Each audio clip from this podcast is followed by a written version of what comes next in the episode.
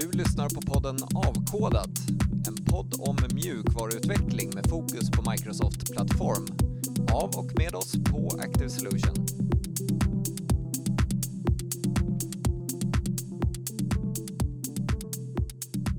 Så, varmt välkommen till det här avsnittet utav Avkodat. Så idag har vi återbesök utav en tidigare gäst, Anders Abel. Varmt välkommen tillbaka till Avkodat får vi säga. Tackar så mycket. Eh, så sist så pratade vi lite om den startupen som du var involverad i, eller är involverad i fortfarande. Och eh, lite grann kring hållbarhet och tankar kring det. Men vi tänkte skifta fokus eh, rejält och komma in på det som du också håller på väldigt mycket med dagligdags, nämligen säkerhet. Och lite förändringar i tänk och arkitekturtänk kring det som du ska prata med oss på Active Solution och lite partner till oss om mm. idag. Alldeles strax. Det ska bli jättekul, det ser jag fram emot. Men då tänkte vi passa på, det är Jakob En är här också, förutom jag, Robert Folksson, att prata med dig om prata med dig om det du ska prata om. jag tänkte, tänkte passa på att göra ett litet avkodat avsnitt om det.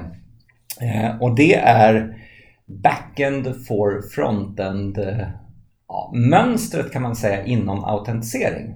Ja, men precis. Det, det kan vi prata om också. Det är, det är ju lite bredare egentligen själva mönstret än så.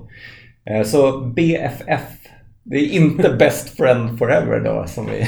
Alltså jag funderade ju liksom så på när jag fick inbjudan så best friend forever Eh, Okej, okay, har vi tagit oss till den nivån nu mm. här med Active Solution? Är det ett förtäckt värvningsförsök eller vad handlar det om? Men okej, okay, backend för fronten. Eh, nej men det, det, handlar egentligen om eh, att eh, webbläsarna håller på att implementera diverse skydd för privatlivet som är fantastiskt och försöka hindra Facebook och andra att spåra oss tvärs över nätet. Eh, men när de har gjort det så har de också haft sönder en del mekanismer som eh, används för autentisering. Alltså en webbläsare kan inte se skillnad på om det är Facebook eller Google eller någon som trackar en för annonssyften över nätet när man rör sig. Eller om det är en fullt legitim single sign-on eh, session. Mm. Och det ryckte mattan lite under fötterna på ja, men en hel del vad det gäller autentisering mellan sajter som just har blivit väldigt mycket mer komplicerat. Och ja, men då kom det här backend för frontend-mönstret in. Mm.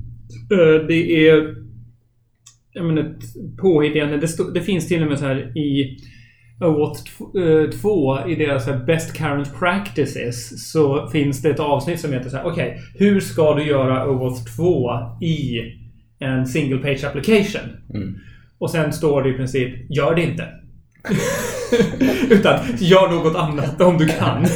det står i Best Current Practices som en sån IETF-standard. Eh, eh, så det är väl där backen för fronten kom fram som ett alternativ. Okej, okay, vad tusan gör vi? Om det nu visar sig att det är jättekomplicerat eller inte går längre att göra det eh, klientsidesmässigt. Så vad gör vi istället?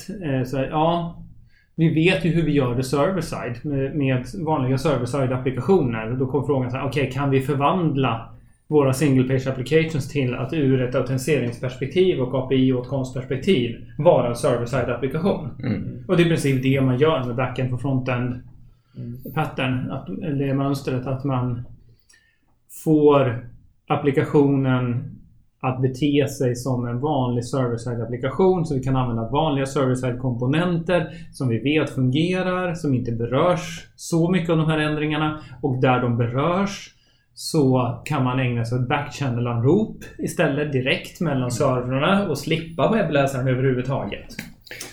För, Men för, som, som ja. du sa, backend för fronten är väl egentligen lite bredare än, än, än så att säga bara autentiseringsbitar. Det är väl, jag vet inte, du kanske kan förklara mönstret ett bredare perspektiv.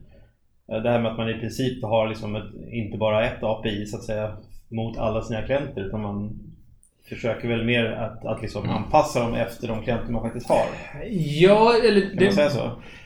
Det beror på. Eh, jag skulle snarare beskriva det som att din single page application inte får prata direkt med, dina API, med alla API som finns där ute som kan produceras på olika tjänster. Mm. Eh, utan din single page application ska bara prata med sitt eget backend för frontend API. Mm. Sen kan den vara en proxy och skicka eh, API-anropen vidare till generella producenter. Mm. Så att i en enkel lösning så då kanske du inte överhuvudtaget ändrar din API-design. Du kan ha generella API-er som producerar sin generella API Host eller Gateway eller någonting. Eh, och bara det att vi låter inte JavaScript-baserade klienter göra sådana anrop längre. Utan mm. JavaScript-baserade klienter pratar med sin egen host bara. Mm. Så att den, den adress som användaren ser i adressraden, det är också det enda API-anrop som JavaScripten gör mot den. Mm. Och då slipper man så här cross-origin resource sharing. Alltså det, det är massor som faktiskt blir mycket enklare. Mm. Men du får ett extra nätverkshopp som man introducerar kanske möjligtvis lite mer latency potentiellt? Absolut, absolut visst introducerar man latency och eh, normalt sett så kör man kanske sin BFF-komponent i samma datacenter som API så det är flera millisekunder och eh, ingenting som en användare märker överhuvudtaget när de sitter ute med sin mobiltelefon. Mm. Eh, ja, I de flesta fall brukar det dessutom vara så att skalar man lite i arkitekturen så det är ändå någon reverse proxy, det är lastbalanserare, det är man hoppar ganska många steg i en modern miljö ändå. Mm. Mm. Tillbaka lite grann till din fråga där Jakob. För jag tror att det du också tänkte på var kanske den här bredare användningen av begreppet backend for frontend. Mm. Som inte bara är eh, liksom, hur man hanterar API-anrop och, och uh, autentiseringen. Utan Ja, så. precis. Det var den bild som jag har haft. Nu har inte jag egentligen grävt så mycket i BFF. Men, så, men det är så jag uppfattat det. Att man liksom har till exempel en, en mobilklient, en JavaScript-klient, du kanske har ett API. Eller flera typer av klienter. Så, så liksom, var det ett mönster som jag såg att man bygger API som är lite mer anpassade just för de klienterna och de behov som de klienterna har. Mm. Sen låter man man kanske kan lösa liksom, fler problem då med det mönstret eh, även vad gäller autentisering. Ja, ja och, det, och det, den delen att man anpassar API-erna eh, förekommer definitivt också. Det kan man ju göra. Mm. Och jag tycker när jag har sett liksom, riktiga projekt så man har en fantastisk idé om så här, agnostiska API som inte ska vara generella och tillgängliga mm. oavsett för klient. Och sen hamnar man i två olika liksom, lösningar i praktiken. Det ena är att man håller fast stenhårt vid den principen att API ska vara generella.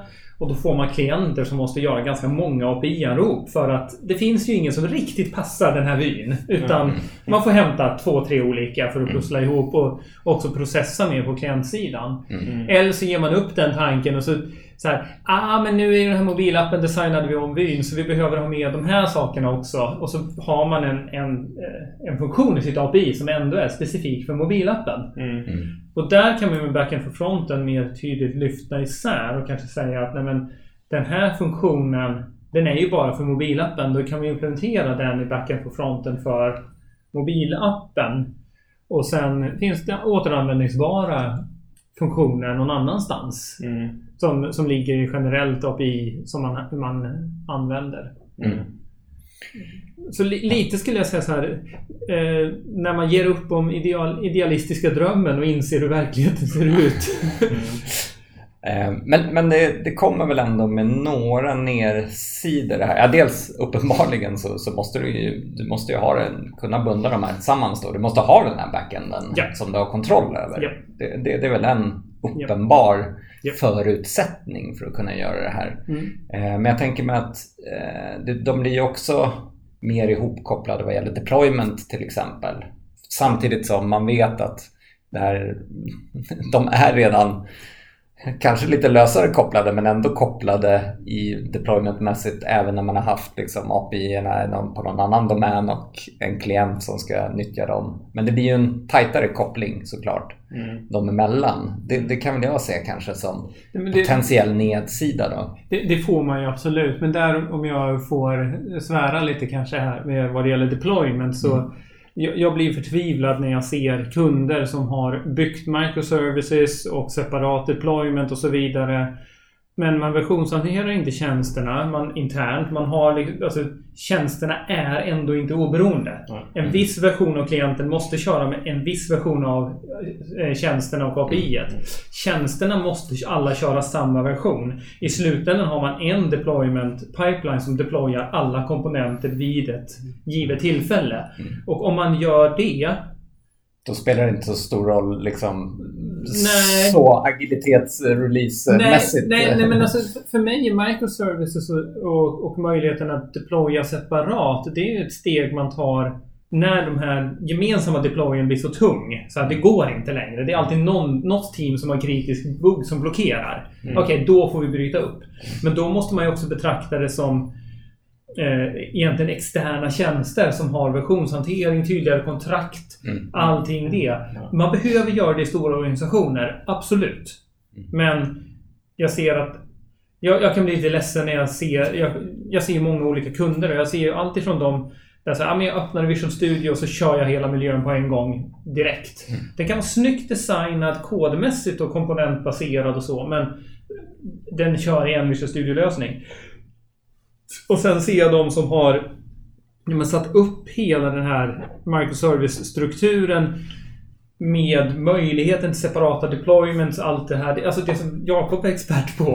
Mm. Så, men som sen inte har tagit det hela vägen som får nytta av det och som faktiskt inte ens behöver det.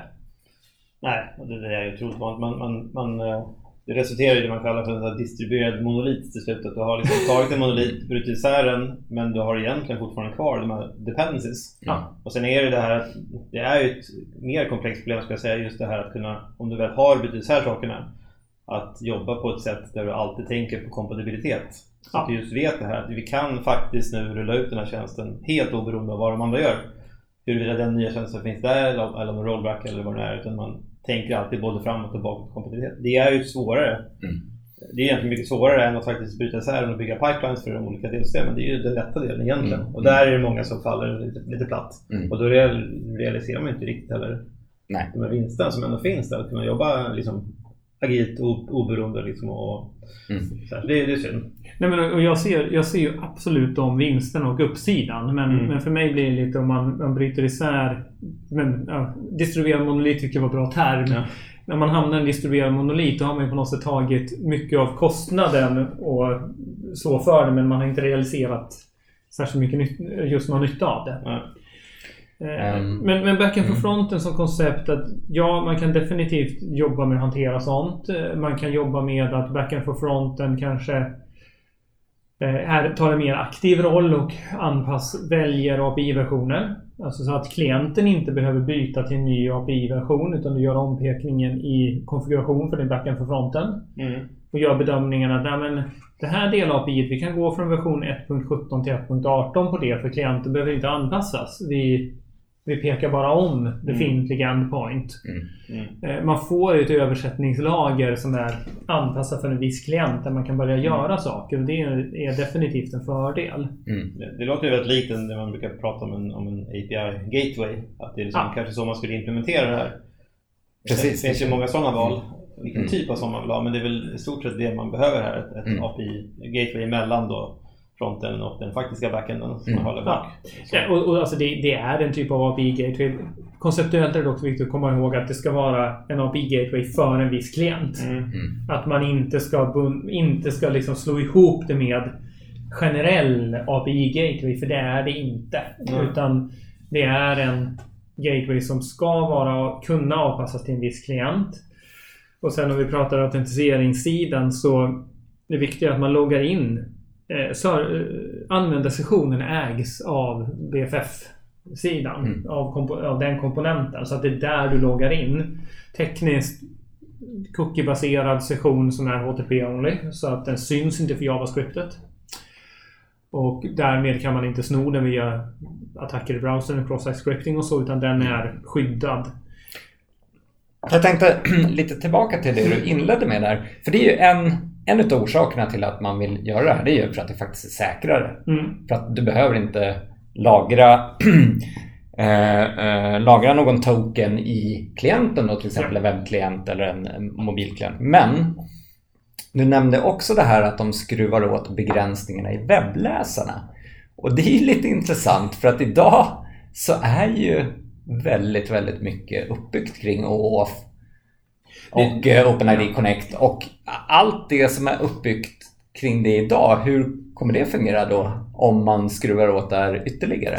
Svaret är så här, det beror på. Men vi kan ta ett exempel. Om det är någon där ute som har en Safari-enhet så kan ni prova att logga in på Microsoft Teams. Med er Safari-enhet. Eller, eller er enhet som har Safari. Eh, ni kommer att snurra runt fem varv tror jag det och sen kommer Teams att detektera att du sitter i en loop och sen så kommer det upp en specifik instruktion för Safari och hur du går in och, och stänger av Intelligent Tracking Prevention. Som är deras namn för cookie-blockeringen. Det går alltså inte att logga in på Microsoft Teams om du har det här Standardinställningen. På, ja.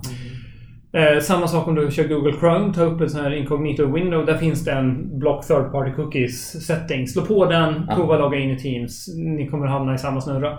Mm. Eh, och det som händer är att OpenID Connect bygger eh, sektionshanteringen för single page applications bygger på några dolda iframes. Man öppnar en dold iframe till OpenID Connect providern där man då i den iframen kommer ju renderar en check session endpoint på din OpenID Connect provider och då skickas ju dina cookies som hör till den domänen med i det anropet. Mm. Så att eh, i iframen så kan eh, den svara med status. Är du inloggad eller inte? Den kan eh, ge dig nya tokens. En silent renew. Hämta nya access token utan att behöva göra en full liksom, inloggning. Mm. Skicka hela... Jag menar, vi vill ju inte att en access token går ut efter 30 minuter. Att man ska skicka upp en skylt till användaren. Hej! Ursäkta, men nu måste du pa vi pausa mm. här så vi redirectar dig till vår identity server för att få en ny token och tillbaka. Du vi är strax tillbaka, du kan strax mm. fortsätta. Det funkar inte. Så därför gör man den i en dold iframe. Men mm. det liknar lite för mycket hur ad-nätverken eh, vill spåra användare över internet. Så då blockar webbläsaren den cookien. Den får okay. inte skickas med i det läget. Och det är det som eh, då är avstängt om du går upp i, eller du kan stänga av om du går upp i inkognito-läge i Chrome och så testa att stänga av det så kommer du att... Ja, precis. Då, då, är, då, är, det en, då är det en avstängd. Eh, och det ledde till att hela session management-delen av OpenID Connect-specen fungerar helt enkelt inte med moderna webbläsare. Mm, okay. Det är bara att ge upp. Och mm. då, då börjar vi komma till så här, okej okay, vad gör vi då? Det finns en hel del som varit inne på refresh token så att mm. man använder det i webbläsaren. Mm. Men då pratar vi säkerhetsaspekter. att Vi har redan sett att det här med att hantera tokens som går att använda till backend-tjänster att ha dem i browsern, det visade sig inte vara jättebra. Det, browse, en användares webbläsare är inte en säker kontrollerbar exekveringsmiljö. Mm. Och eh, Så att det kanske inte var så bra. Att stoppa en refresh token som inte bara gäller en stund utan faktiskt kan användas länge för att hämta nya tokens. Mm. Den är ännu farligare. Mm. Så det vill vi inte ha i webbläsaren. Det är därför checks, hela session management-hanteringen eh, byggdes med dolda iframes istället för refresh tokens mm. från början. Mm. Och då hamnar det lite så här, okej, okay, om vi inte kan göra det här. Eh, nej men man, man slår lite huvudet i att det är en dead end. Vi fastnar. Mm. Och det finns ytterligare delar i det med eh, nu har vi pratat om single sign-on och eh, också att förnya våra access tokens. Men eh, det finns nästa steg i sådana här flöden. Det är single logout. Kan du logga in så vill du kunna logga ut. Mm. Utloggningsmekanismerna bygger också på dolda iframes. Mm. Där man notifierar, man renderar en sån här logg ut-länk på varje klient som är ansluten i en dold iframe. Återigen. Third party cookie blocking. Eh, som gör att logga, du, kan, du blir inte utloggad därför att den här iframen får inte komma åt sessionskocken på domänen. Mm. Utan när den laddas så ser det ut som att du redan är utloggad men sen har du en session kvar. Det är nästan ännu farligare. Mm.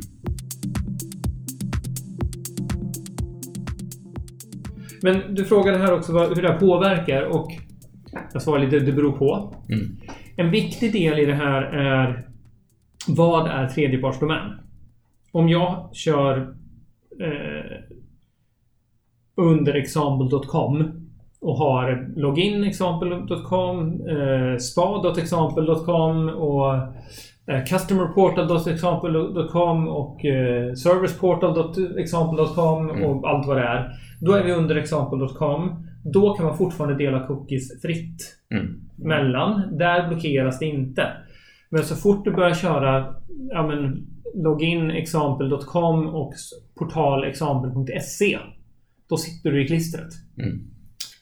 Så, så om man har liksom, kontroll på det här och kan ha det i samma subdomän då kan man vara säker på att det förmodligen kommer fungera i framtiden också. Men ja. man är ju fortfarande inte uppsäkrad då mot det här problematiken att någonstans kommer att ha en access token i eh, tillgänglig webbläsaren ja. som då eh, inte anses lika säker som en traditionell cookie. Nej men precis. Och sen, sen finns det nästa del i det. Så här, eh, du kan inte hitta något eh, certifierat OpenID Connect-bibliotek för JavaScript eh, som underhållsaktigt längre.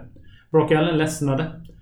Därför att, att underhålla ett bibliotek, OEDC Client JS som man skrev då, som är en full OpenID Connect-implementation i JavaScript med alltså kryptosignaturberäkningar etc. i JavaScript. Han ruttnade ju till slut därför att att underhålla någonting som ska funka så komplicerat som ska funka tvärs över alla webbläsare.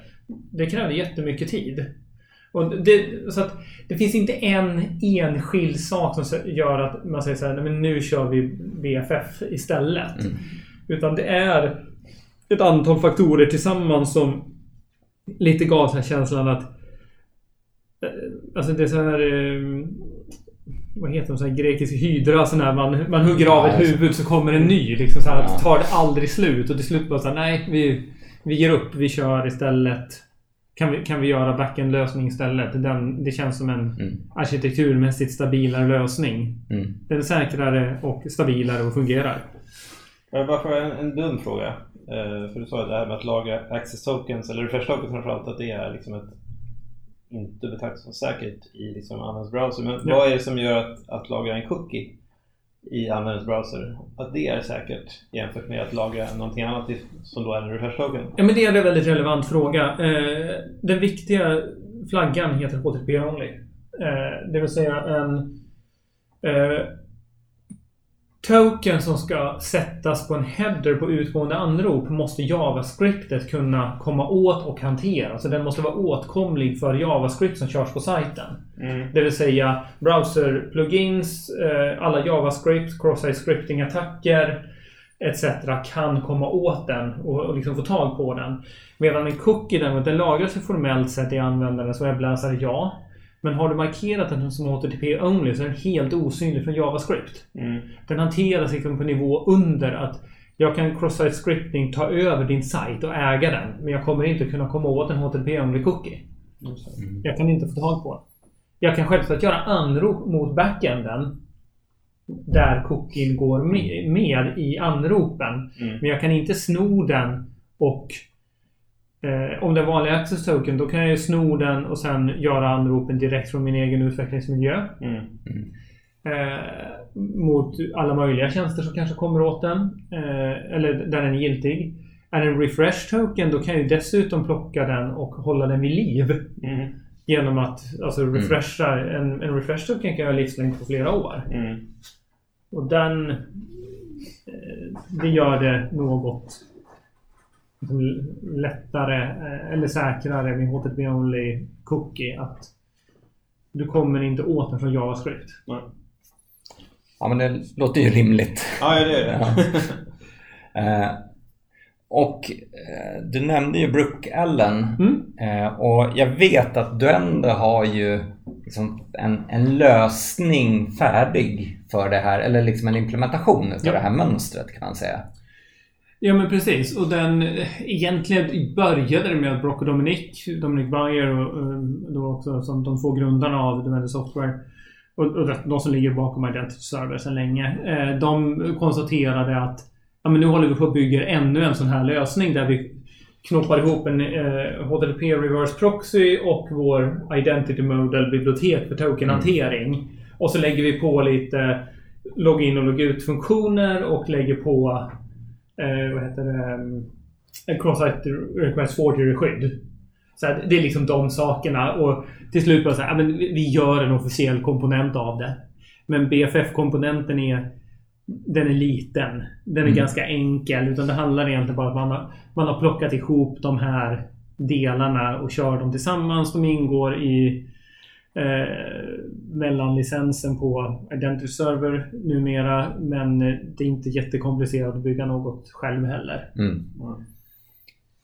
Nej, och mönstret är ju Ja, det, är ju både plattformsoberoende och, ja, och liksom, ja, så, att, så det, det, kan man ju implementera på andra sätt naturligtvis. Absolut. Men om man ändå använder Duende så är det ju kanske vettigt att titta på de delarna. Det, det gör det väldigt mycket enklare för det är några få rader kod och ja. framförallt eh, vi var inne på det här att man behöver ändra sin backend för frontend. Eh, BFF-komponenten använder YARP proxyn. Alltså den dekorerar YARP proxyn som är Microsofts paket. Mm. Vilket gör att man mappar egentligen säger att allting som kommer in under slash API skickar det vidare till API-hosten som det är. Men bara göra den här... Vi får ju in en cookie på det inkommande anropet från mm. klienten. Den eh, BFF-komponenten packar upp cookien, validerar sessionen, får tag på access token. Förnyar den via refresh token om det behövs. Och sätter sen en access token på utgående API-anrop. Men man kan, man kan sätta upp den här mer liksom regelstyrt så att alltså BFF-implementation Demar jag den så är den en skärmsida. Går den i produktion så är den fortfarande en skärmsida och ändras inte särskilt ofta. Därför att den, den ska inte veta om varenda liksom, API-version i grunden. Om man inte, som Jakob var inne på, att man börjar plocka in API Gateway-funktionalitet och, och mm. tänk i. Men det är egentligen det är egentligen två olika koncept. Det ena är backend for fronten som ansvarar för den här cookie till access token transitionen och användarsessionshantering. Det är BFFens ansvar arkitekturellt. Det andra är API Gateway-funktionaliteten där du ska kunna routa ut API till olika microservices som står mm. för implementationen. Mm. Throttling och cachning och allt sånt där. Så det, det, det lägger man typiskt eh, i, i backend API istället. Eh, ja, och inte i den som du pratar om nu. Ja, alltså logiskt så vill ju jag rita det som två olika klossar. Ja. Jag vill ju rita det som en back, mm. som vi har en backend for fronten komponent som sen anropar API Gateway Precis. för att komma in. Ja. Sen eftersom backend for fronten funktionaliteten kan i Duende-paketet kan vara som ja, men egentligen decorators på YARP proxy-definitioner. Mm. Så har du en fungerande YARP proxy-implementation för din API Gateway. Mm. Då kan du lägga de två som två tunna lager i samma, samma box. Men mm. det är fortfarande två separata lager. Mm. Men om man tar ett exempel, om man kör Azure så har vi ett ja. API eller flera API och så har vi API management yep. framför det. Och så vill jag, nu vill jag liksom implementera backend för fronten. Ja, då, då, då, sätter man en egen backend för fronten framför som sen anropar API management. Just det, men vad skulle den backend för fronten vara? Hur skulle jag liksom realisera den på bästa sätt? Duende-komponenten med en web, Azure Web App. Som en app service? Okay. Ja, mm. App Service. Mm. En, en Azure Web App, eh, det är en lösning. Eh, eller alltså, du, som Robert var inne på, det går att köra den i Node eller vad du vill. Mm. Um, jag har dock däremot väldigt svårt att se att man skulle kunna dressera API management till att också agera backend från fronten med sessionshanteringen. Det, mm. För den, den är inte tänkt och har inte funktioner. Nej. Det är några år sedan jag tittade på den senast. Men den hade ju inga, ingen sessionskoncept då. Den, den har ju inte, inte riktigt state-hanteringen på nej, det viset. Nej, och, och det, det, är en annan konceptuellt ett annat ansvar. Mm. Om det är någon lyssnare som sitter och funderar på JARP, ja. Eh, Just another reverse proxy. Ja, kan du eh, lite kort säga vad det är för någonting? Eh, men det är Microsoft som har gjort en implementation av en reverse proxy på .NET Core. Mm. Ja, det var, var det inte David, David Fowler som ville få utlopp för sin prestanda fetischism och skriva en reverse proxy på ASP.NET Core-motorn och gjorde det och den är snabb. Ja, den är väldigt snabb. Ja. Mm. Och man kan använda den till lite andra spännande saker också. Och den används ju jättemycket av Microsoft själva också. Mm. Ja, jag tror att den är väl också ett led till kanske att hjälpa kunder att bygga, liksom, att modernisera sina plattformar på just det mönstret som du pratar om, att man kan lägga det framför sin, sitt gamla system och så man gradvis förnya det här genom att liksom bygga nya delar separat och sen har man den lilla proxyn framför som kan styra nya request till nya och sen resten till Absolut. det gamla. Absolut, och, och, det tycker jag är fantastiskt. Alltså min, min favorit när det gäller förnya system är den Strangler, Strangler mm. Application-mönstret. Att man inte mm. gör en Big Bang-migrering utan man gör steg för steg. Och en mm. reverse proxy som skiftar endpoint för endpoint är absolut. Jag, ett projekt jag håller på med just nu så gömmer vi till och med en vanlig ASP.NET MVC-applikation mm. som producerar server-side views bakom en YARP-proxyn. Mm. För att som ett steg i migreringen från server-side till en React. Mm. mm. Eh, och alltså att vissa sökvägar hamnar då på mm. att det är den gamla legacy MVC-applikationen mm. som renderar dem. Mm. det är ett ganska trevligt sätt att jobba på. För när man mm. väl har det plats så kan man ganska i lugn och ro liksom bygga, bygga om de delarna ja, successivt ja, istället. Ja, det, och det jag tycker var eh, ett det som jag tycker brukar vara ett problem med Strangler Application är vad, vad jag egentligen kallar för broar liksom mellan den gamla och den nya applikationen. Att man måste ha en menystruktur som känner till båda. Mm. Som kan navigera mm. mellan den gamla och den nya. Och sen sessionshanteringen, användarsessionen måste hanteras så att både den gamla och den nya applikationen kan känna igen det. Och mm. där visade sig att BFF var ju lysande. Därför att sätter vi den framför så är det BFF som äger användarsessionen. Mm. Och sen kan vi göra den tillgänglig på ett enkelt sätt för både de nya tjänsterna och för legacy-delarna. Mm. mm. Eh, så det, det, var så här aha-tillfälle. Så här, fastän det faller ju på plats och blir snyggt. Ja, schysst. Varför har man inte alltid gjort så här då? ja, ja, ja man, man, gjorde ju så en gång i tiden. Varför gick du ifrån en gång i tiden? Ja, alltså cookies. Ja, det är en intressant fråga. Alltså, varför bytte vi bort cookies från början? Ja. För, för, det var ju när JavaScript började komma så var det ju så här. Ja, men vi kör väl cookie-autentisering. Hur svårt kan det vara? Mm. Eh, ja, men det var två saker som hände där som var drivkraften. Det ena var Cross-Site Request Forgery som kom fram. Visade sig att man måste skydda sina eh, både så, eh, post action som du kan ta emot ett formulärsvar. Måste du ha anti-forgery-skydd. Mm. Och API måste ha ett anti-forgery-skydd. Du måste ha någon form av API då eh, någon form av eh, anti-forgery token som du sätter med som ett API eller en, en header eller någonting i mm. vilket, vilket gör att eh, CSR van Roop ska man komma ihåg är blint och kan inte kan inte påverka headers. Det kan inte se resultatet. Det är liksom bara skotta in någonting till servern och, mm. och så hoppas man att man får rätt parametrar så att det man vill händer. Eh, men där sa man väl att eh, även om vi ändå måste hålla på med någon så här separat token och header så varför inte bara stoppa hela vår sessionshantering i vår header? Mm. Eh, det var ju logiskt. Um, det andra som hände det var att man började se med den här API-explosionen att det fanns API-producenter överallt. Mm. Och man började se att nej men min Java, jag ska kunna bygga en JavaScript-applikation som hostas på ett CDN. Statiskt. Som ska kunna anropa tio olika tjänster. Absolut! Ja. Och de här coola och plocka ihop ja. och det var så flexibelt. Och, eh, det, den tanken flög väl kanske inte riktigt så bra i praktiken som man sa. Mm. Eh, men, men det fanns ju ett skäl till det. Ur ett säkerhetsperspektiv menar du? Ja, det, det men dels ur ett säkerhetsperspektiv men också som vi var inne på innan med att API-erna är ju ändå i slutändan så visar det sig att de är inte 100% avpassade för den vyn jag har mm. i min mobilapp. Och om jag ändå behöver göra två eller tre mm. API-rop då är det mycket mer prestandamässigt är det mycket vettigare att det dyra hoppet från min mobiltelefon sker mm. en gång till datacenter. Mm. Som sen kan göra två, tre API-anrop internt med millisekunder latency. Mm. Och sen har jag det dyra svaret med tiotals millisekunder till min telefon. Mm. mm. Men lite, lite grann så här, vi, vi använder cookies.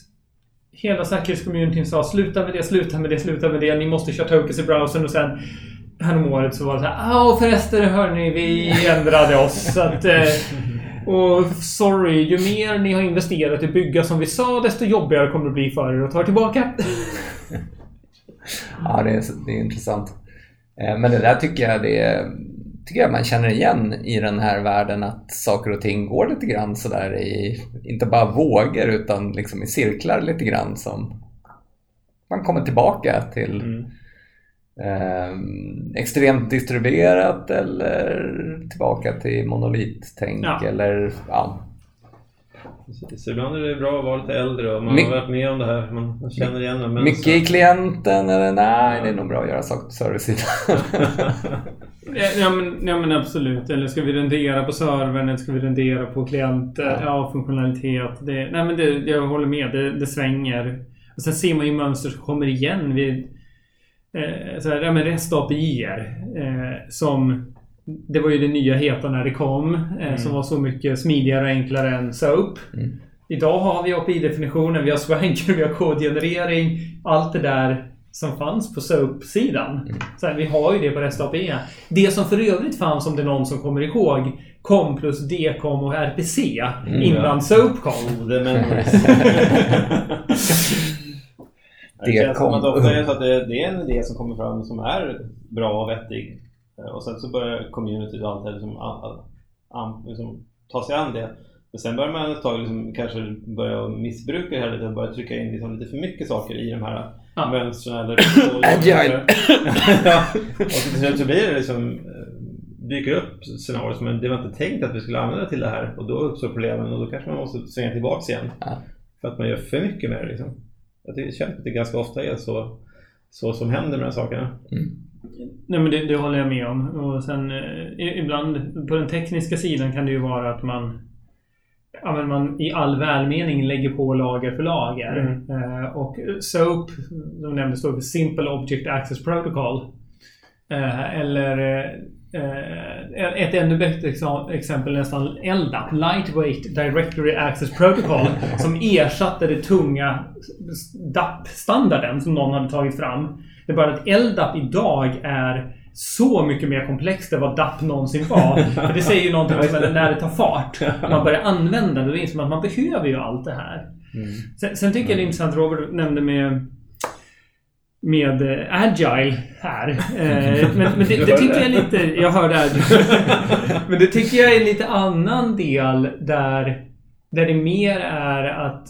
Eh, ja men de här toppstyrda årsplanestofilerna, när de inte längre kunde hålla emot Agile så försöker man istället gröpa en, ur... Enterprise det. Agile. Ja, men Enterprise Agile extra eh, eh, secure någonting. eh, där, där det liksom är... Det, ja, men något annat. Ja, men det, det är något annat. Man vill gärna ha kontrollen ändå. ja. ja. Eh, det, det, känner jag får bli, det får nog bli ett, eh, ett eget avsnitt om det, för det, det, kan vi nog prata en hel del om också. Men med det sagt lite grann, ser du, skulle du se någon risk för att man kanske överanvänder BFF bara därför att det nu är, liksom, nu är det det nya svarta mönstret? Om vi pratar att man håller det liksom till det en backend for fronten ska vara. En dedikerad fronten för den applikationen. Eh, och man, man är beredd att spinna upp en ny och sätta upp en ny för varje applikation man sätter upp. Så ser jag inte den här överanvändningsproblem. Eh, för det är en lättviktig komponent som har väl avgränsat ansvarsområde. Jag har svårt att se att den liksom växer i någon snårig inriktning. Mm. Däremot så har jag ju mer än en gång avstyrt de som har sagt att ah, här sätter vi upp the BFF mm. för alla våra single page applications. Mm. Så man har upp liksom så här uh, the ruler BFF som ska hantera alla. Och vara så flexibel och kunna hantera massor. Så att då är man fel ute. För att tanken med backend for fronten är ju att den ska vara avpassad för en single page application. Den ska mm. gå att anpassa tillsammans med den span. man ska inte behöva ta hänsyn till tre andra applikationer också om man vill göra en ändring i mm. vilken API-version man pekar på eller så. Mm. Och där ser jag definitivt en risk eh, att det hamnar fel. Men jag skulle inte kalla det överanvändning utan mer att man försöker använda den för någonting och på ett sätt som inte är tänkt. Mm. Ja, men eh, vi kanske ska låta det vara slutorden mm. i den här diskussionen. Tyckte jag var väl valda slutord. Okay. Så får tacka dig så jättemycket Anders för att du ville vara med igen. Du blev inte avskräckt. Nej, men jag blev inte gången. avskräckt. Alltså, jag vet inte om ni lyssnare hörde, men vi bjöd han in mig en gång till så jag får ta alla mina rants och markera principer sen också. Du, du är varmt välkommen tillbaka. Så, och tack till dig som har lyssnat också. Så tack så mycket för oss. Hej då! Tackar. Hej då!